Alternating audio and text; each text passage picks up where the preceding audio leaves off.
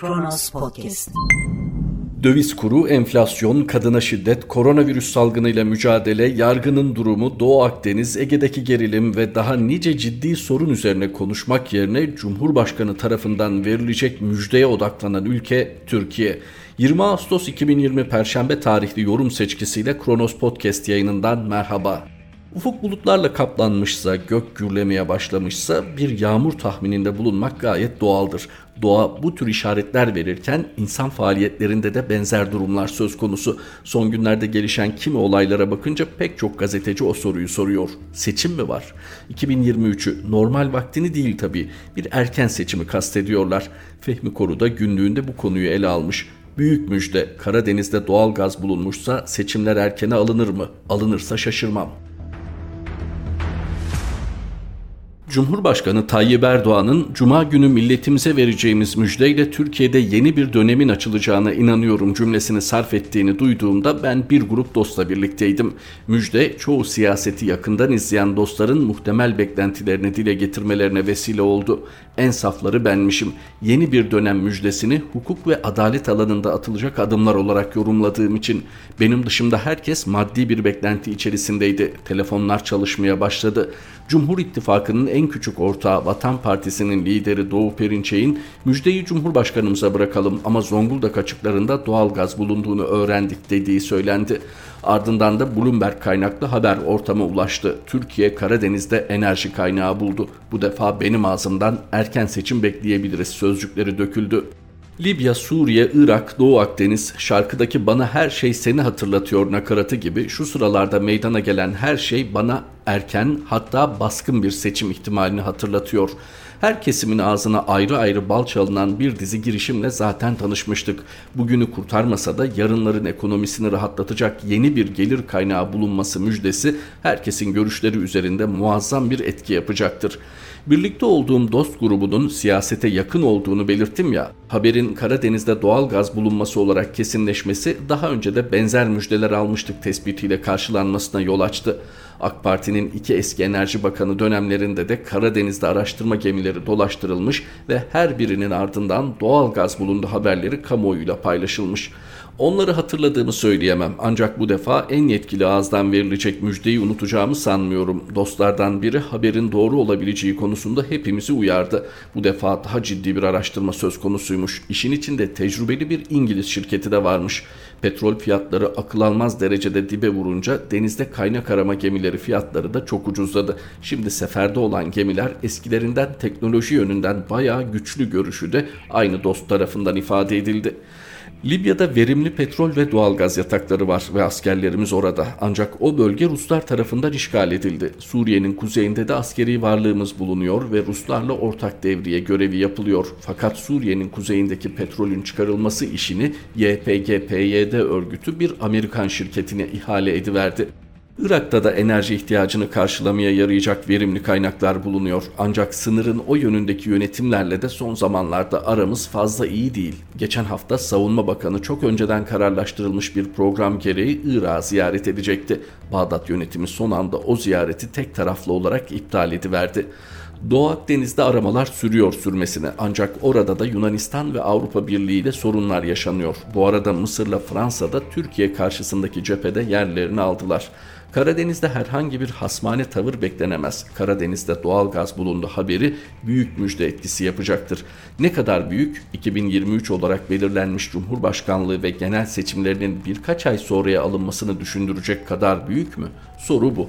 Bu sorunun akla getirdiği ihtimalin ciddiliğini müjdenin verileceği cuma günü yapılacak açıklama sonrasında meydana gelecek havaya bakarak anlayabileceğiz. Pek çoğumuza bu çok sayıdaki insan arasında ben de bulunuyorum. Halktaki desteği azaldığı fark edilen Cumhur İttifakı partilerinin iktidardaki varlıklarını 2023'e kadar devam ettirmeleri mümkünken seçimleri öne çekerek ömürlerini kısaltma sonucunu doğurabilecek bir siyasi yanlışlığa sapmaları akıl dışı görünüyor.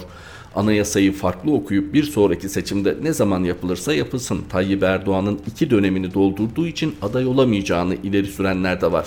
Bu itirazları biliyor fakat yine de daha önce ertelenmiş pek çok girişimin şimdilerde birbiri peşi sıra hayata geçirilmesini seçim tarihinin erkene alınması ihtimali dışında yorumlamakta zorlanıyorum. En sonuncusu Ayasofya'nın yeniden ibadete açılmasıydı o girişimlerin. Her iktidar kendisine puan kazandıracak türden girişimleri seçim öncesine bırakır. Ayasofya'nın açılması AK Parti'ye en az 3 puanlık bir hayat öpücüğü kazandırmış olmalıdır. O 3 puan 2023'e kadar erir gider. Özellikle de ekonomideki kötü gidiş devam ederse. Seçim tarihinin erkeni alınmasının tabii alınacak olursa tek sebebi ekonomiden gelen kötü sinyallerdir. Karadeniz'de doğal gaz bulundu türü bir müjdenin etkisiyle bugünün ekonomik sıkıntıları görmezden gelinebilir. Yarın her şey daha iyi olacak beklentisi siyasette önemlidir. Tabii seçim tarihini erkene almak yeni kurulan ve çekirdek kadrosunda eski AK Partililer bulunduğu için iktidar cephesinden oy alabilecek yeni partilerin önünü kesmeye de yarayabilir. Cuma'yı bekleyelim. Dost meclisinde birisi bu ben değildim. Müjde Ayasofya'da kılınacak cuma namazı çıkışında mı verilir diye sordu. Ne dersiniz? Gelişmelerden erken hatta baskın seçim sonucunu çıkarmanın normal olduğunu belirten Fehmi Korun'un günlüğünden sonra bir gündeyiz. Ülkesinin uluslararası arenada söz sahibi olmasını, bir adım atılmadan önce görüşünün alınmasını, onsuz oyun planı kurulmamasını kim istemez? Fakat bu durumu söylemle var gibi göstermek başka, gereğini yerine getirerek elde etmek başka kurulan yeni sistemi pekiştirmek adına dünya liderleri ve lider adaylarının söylemlerinden pay çıkarmak olsa olsa bir algı çabası olabilir. Nazım Altman dünyayı sarsan adamdan söz ediyor. Amerika Birleşik Devletleri'nde bu yıl başkanlık seçimleri var. Adaylardan biri mevcut başkan Donald Trump, diğeri ise önceki dönemin başkan yardımcısı Joe Biden. Farklı partilerden olmalarına karşın seçildiklerinde tek parti hissiyatı vereceklerinden kimsenin kuşkusu bulunmuyor. Amerika Birleşik Devletleri'nin çıkarları adına büyük şirketlerin karları için her başkan aynı yüksek vatan sevgisini gösterir. Seçim öncesinde ise gayet güzel kayıkçı kavgaları yaparak demokrasi gösterileriyle büyük ilgi uyandırırlar. 2020 seçiminde de vaziyet farklı değil. Sadece önceki seçimlere göre Türkiye açısından çok ama çok farklı bir güzergah üzerinden ilerliyor kampanyalar. Eskiden hangi başkan adayı seçilirse Türkiye için daha iyi olur tarzında bakış açıları oluşturulurdu. Şimdi ise başkan adayları Türkiye'yi hangimiz iyi bir mevkide tutabiliriz yönünde tartışıyorlar. Yani ABD başkanlık seçimlerinin ortasında Türkiye var. Samimi olmak gerekirse aslında Türkiye yok. Recep Tayyip Erdoğan var. Sadece Orta Doğu'da değil, dünyanın değişik yerlerinde Erdoğan faktörü diye bir kavram oluştu. Joe Biden demokrat aday olarak demokratik profil vermek zorunda olduğunu biliyor. Bu yüzden siyasi rakipleri hapishanelere tıkmış, basın özgürlüğünü rafa kaldırmış, medyanın %95'ini kontrol altına almış, kaybettiği seçimleri iptal etmiş, hiç kazanamayacağı seçimler için önceden uyarı yapmış, benim partimi seçmezseniz görevden alır kayyum atarım demiş ve dediğini de yapmış Erdoğan'a karşıymış gibi görünmek adına onu seçimle indirmek için muhalefete destek vermemiz lazım diyebiliyor. Böylece seçim de Amerikan darbeleri arasında yerini alıyor. Yarın öbür gün genel seçimleri ve cumhurbaşkanlığı seçimlerini kaybederse ki bu mümkün, iktidarda kalmaktan başka bir seçeneği benimsemeyen AKP gayet rahat bir şekilde şöyle diyebilir. Bu seçim sayılmaz. Neden? ABD Başkan adayı Joe Biden vakti zamanında AKP'yi seçimle iktidardan indirmek için muhalefete yardım etmeliyiz demişti ya. E, e bu seçim bir darbedir. Biz de darbelere müsaade etmeyeceğimizi zaten söylemiştik. Ama turbun büyüğü Trump'tan geldi. Erdoğan birinci sınıf satranç oyuncusudur. Gerçi Erdoğan'ı satranç oynarken gören hiç olmadı. Ama olsun Trump da zaten siyasi olarak satranççı yönünü işaret etmişti. Bununla da kalmadı. Devam etti. Bazı dünya liderleri benden Erdoğan'ı aramamı istiyorlar. O seni dinliyor. Şimdi araya Berat Albayrak repliği girsin ve bakın burası çok önemli desin. O seni dinliyor. Trump'ın iltifatları iktidar medyasında coşkuyla karşılandı. Sanki biraz yanlış mı anlaşıldı acaba? Adam bütün dünya o seni dinler diyor. ABD başkanının sözlerini dinleyen bir lider. Acaba bu çok iyi bir şey mi? Bilmiyoruz. Bildiğimiz şey Trump'ın terbiye sınırlarını aşan aptallık ve kabadayılık sıfatlarıyla bezenmiş tarihi mektubu sonrasında gösterilen olağanüstü incelikli diplomatik nezaketiyle akıllarda kalacak cevaptır. Aramızdaki sevgi ve saygı ilişkisi çerçevesinde bunu halledeceğiz. Bu da ustaca bir satranç hamlesi olarak kabul edilebilir. ABD için dünyanın patronu denilir. Patron CEO'sunu seçiyor. Seçimin ortasındaysa Recep Tayyip Erdoğan var. Yeni unvanını teslim etmek gerek. Dünyayı sarsan adam. Nazım Altman'ın yazısıydı. Bir günden sonra gazete duvardayız. Muhalif ya da taraf olmak algı yanılmasına yol açabilir. Açık bir gerçek yorumlanarak farklı şekilde sunulabilir. Mesele devlet ve devletler arası ilişkilerse gerçeği ve algıyı birbirinden ayırmak daha da önem kazanır. Sahi Erdoğan kime çalışıyor diye soran Fehim Taştekin dış hamlelerde hedeflenenler ve ortaya çıkanlar üzerinden ilerliyor. Türkiye'yi şahlandıran, dış mihrakların oyununu bozan, Akdeniz'de dengeleri değiştiren, Trablusgarp gazisi ve asrın lideri sıfatlarına mazhar olan Tayyip Erdoğan için sorulacak soru mu bu? Kabahatten sorduk bir kere. Yanıt evvela şahsına, başka kime? 20 yıl sonrasında geri dönüp bakıldığında Erdoğan'ın karşı koyuyoruz dediği ne kadar aktör varsa hepsinin hesabına yazılmış ne miraslar bıraktığı da görülecektir. Milli, iyi düşünülmüş, güzel planlanmış, akıllıca, stratejik gibi kelimelerle tanımlanmayı kaldıramayacak bir miras. Geçmişe sıklıkla başvurup hafızayı tazelemek elzemdir bu mirasın izlerini sürmek için. Erdoğan'ın dışarıda ortak olduğu hikayeler 18 yıllık bir süreçte iktidar yolunu açma, iktidarı sağlamlaştırma, iktidarı tekelleştirme ve iktidara tutunma aşamalarına uygun reflekslerle gelişti. Başlangıç, batılı aktörlerle uyumlu ortaklığı ve vaatkar adımları gerektiriyordu. Ayağını sağlama aldıktan sonra orta düzlükte büyük emperyalin oyunu içinde bastırılmış alt emperyal kendine alanlar açtı. Bu yol Türkiye'yi rotasız, pusulasız maceralara çıkardı. Ama attıkları adımlarla her seferinde lanetledikleri aktörleri ve belaları Türkiye'nin çeperlerine yaklaştırdılar. Son dönemeçte iktidar, Türkiye'yi çevreleyen sorunlar ve yeni hasımlar karşısında daha fazla askerileşen politikalarla yanıt vermeyi deniyor. Şimdi bizden bu yanıtlara odaklanıp yeniden milli mücadele şamatasına eşlik etmemizi bekliyorlar. Bundan yeni güç, caydırıcı ülke, yeni eksen profili çıkarmamızı istiyorlar. Bu şekilde sorunlar ve hasımlar yaratmadaki öz sorumluluklarını gizleyebilmeyi umuyorlar. İktidarın ilk yıllarında ABD'nin Afganistan işgalinin imar ayağında yer almak, Oval Ofis'teki ilk fotoğrafın diyeti ve bağlılığın ifadesiydi. Türk'ün çıkarlarını Amerikalılarınkiyle aynı sayfada listelemekten gurur duyuyorlardı. Sonra Irak işgaline iştirak için verdikleri söze karşın tezkerenin Türkiye Büyük Millet Meclisi'nde reddedilmesi üzerine yüzleri kızardı. Meclis her şeye rağmen ismiyle müsemmaydı. O vakit düştükleri durumu AKP'den bir yetkili bana anlatırken Washington'da pek iyi şeyler olmadığı ifadelerini kullanmıştı. Ben de pek terbiyesizce bir yanıt vermiştim ama Amerikan güçlerine verilen lojistik destekle hizmetteki kusur giderilmişti. İşin siyasal mühendislik kısmında ABD'nin direngen Şii İran'ın önüne edilgen Şii Irak'a bariyer olarak konuşlandırma stratejisi vardı. Bu strateji çökünce bu sefer Türkiye'ye Sünnistan projesinde görev biçildi. İran'ı dengeleme işi zaten hep Türkiye'nin rolüydü. Şii iktidara karşı Sünni alternatif yaratma ameliyesi de IŞİD'in Haziran 2014'te Musul'u düşürüp hilafet ilan etmesiyle ellerinde patladı. O günden beri Irak Türkiye için kayıp bir hikayedir. Türk-Amerikan koordinasyonu Arap Baharı sırasında başta Libya ve Suriye olmak üzere bölgeye ateşten bir gömleğin giydirilmesinde de muhteşem bir uyum sergiledi.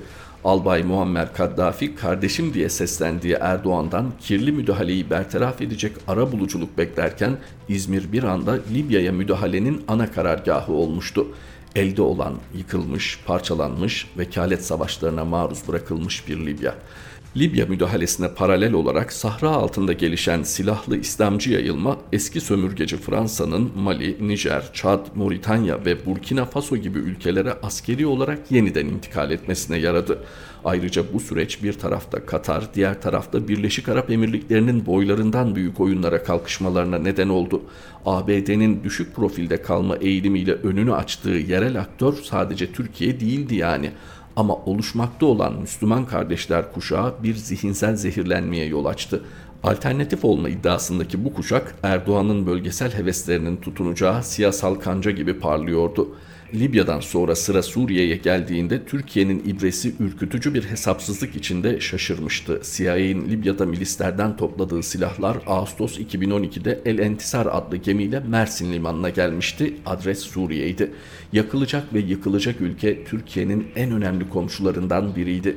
28 Nisan 2012'de Letfallah 2 adlı gemi güvertesindeki silahlarla Lübnan'ın Trablus limanına giderken Beyrut açıklarında yakayı ele verince Bingazi Mersin hattı en güvenli güzergah oluvermişti. CIA'in Suudi Katar parasıyla Özgür Suriye ordusu için Doğu Avrupa'dan topladığı silahlar da uçaklarla Esenboğa ve Atatürk hava alanlarına taşınıyordu. Türkiye'nin açık sınır politikası milyonlarca sığınmacıyı bu tarafa, on binlerce cihatçıyı o tarafa taşıdı, Suriye harap edildi.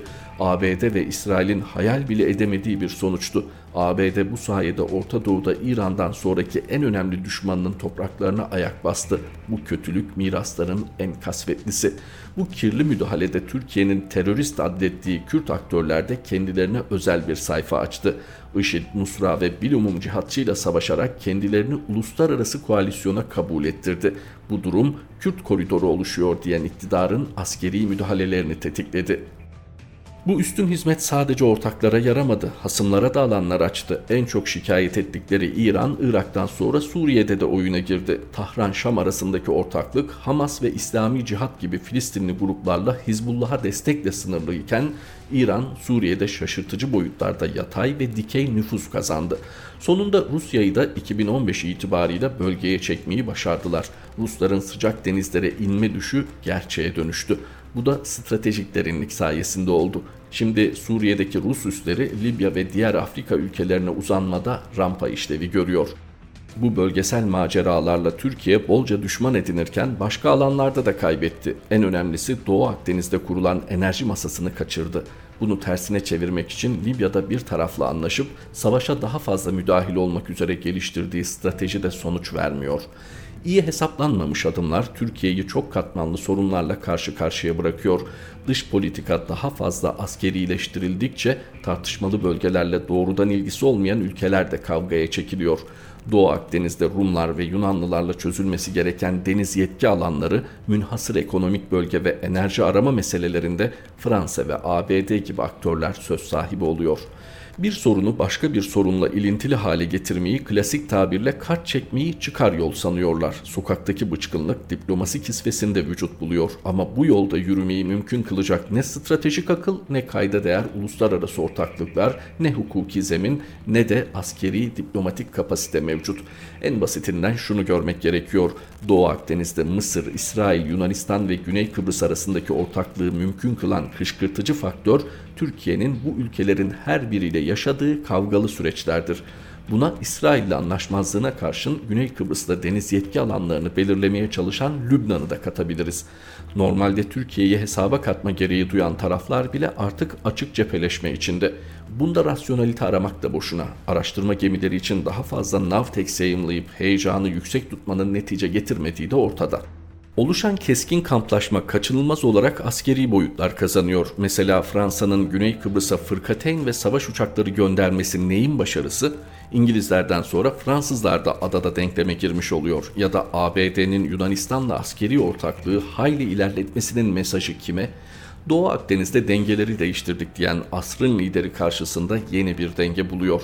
Yani bölgedeki harici aktör sayısı Türkiye'nin işini zorlaştıracak şekilde artıyor caydırıcı olacağı hesabıyla suları köpürten Türkiye aynı zamanda karşı tarafı yeni koalisyon ya da ortaklıklarla caydırıcılık kapasitesini artırmaya itiyor. Gerekli gereksiz kart çeken misliyle kart görüyor. Doğu Akdeniz'in bu denli askerileşmesi hayra alamet değil.'' Türkiye'yi saran sorunlar yuma ve alan verdirten denklemler bir gecede değil, yıllara dayalı hatalar ve ihmaller silsilesiyle oluştu. Şişik egolar, gerçeklikten kopuk hamaset, cehaletle malul danışmanlar, kifayetsiz özel temsilciler, hikmetinden sual olunamayan paralel diplomasi araçları, MIT üzerinden yürütülen operasyonlar, sahada yanlış ve tehlikeli ortaklıklar, vekalet savaşlarıyla sonuç alacağını sanan özürlü hesaplar, Türkiye'yi gerektiğinde çekilmesine imkan vermeyecek kadar farklı coğrafyalara geriyor. Ortada bir başarı yok. Vaziyet umut da vermiyor. Ortada çarçur edilmiş varlıklar, itibarsızlaştırılmış bir diplomasi, sağa sola koşturulan askeri birlikler, stratejik ortaklıkları ve coğrafi konumu akılsız kartlara dönüştürülmüş bir ülke var. Hadsizliğe verip soralım yine. Gerçekten kime çalışıyor Erdoğan? Gün gelecek mecburduk diyecekler. Mecburiyet de kifayetsizlik ve beceriksizliğin nişanesidir. Bu hesapsızlıkta bir gün gerçekten her şey bir beka meselesine dönüşürse bu meşhum mirasın mimarı isimsiz değildir. Gazete Duvar'dan aktardığımız Fehim Taştekin imzalı satırlar bu birlikteliğimizdeki son paylaşımımızdı. Mehmet Şahin, yeni yorum seçkimizde Kronos Podcast yayınında tekrar buluşmak üzere. Hoşçakalın. Kronos Podcast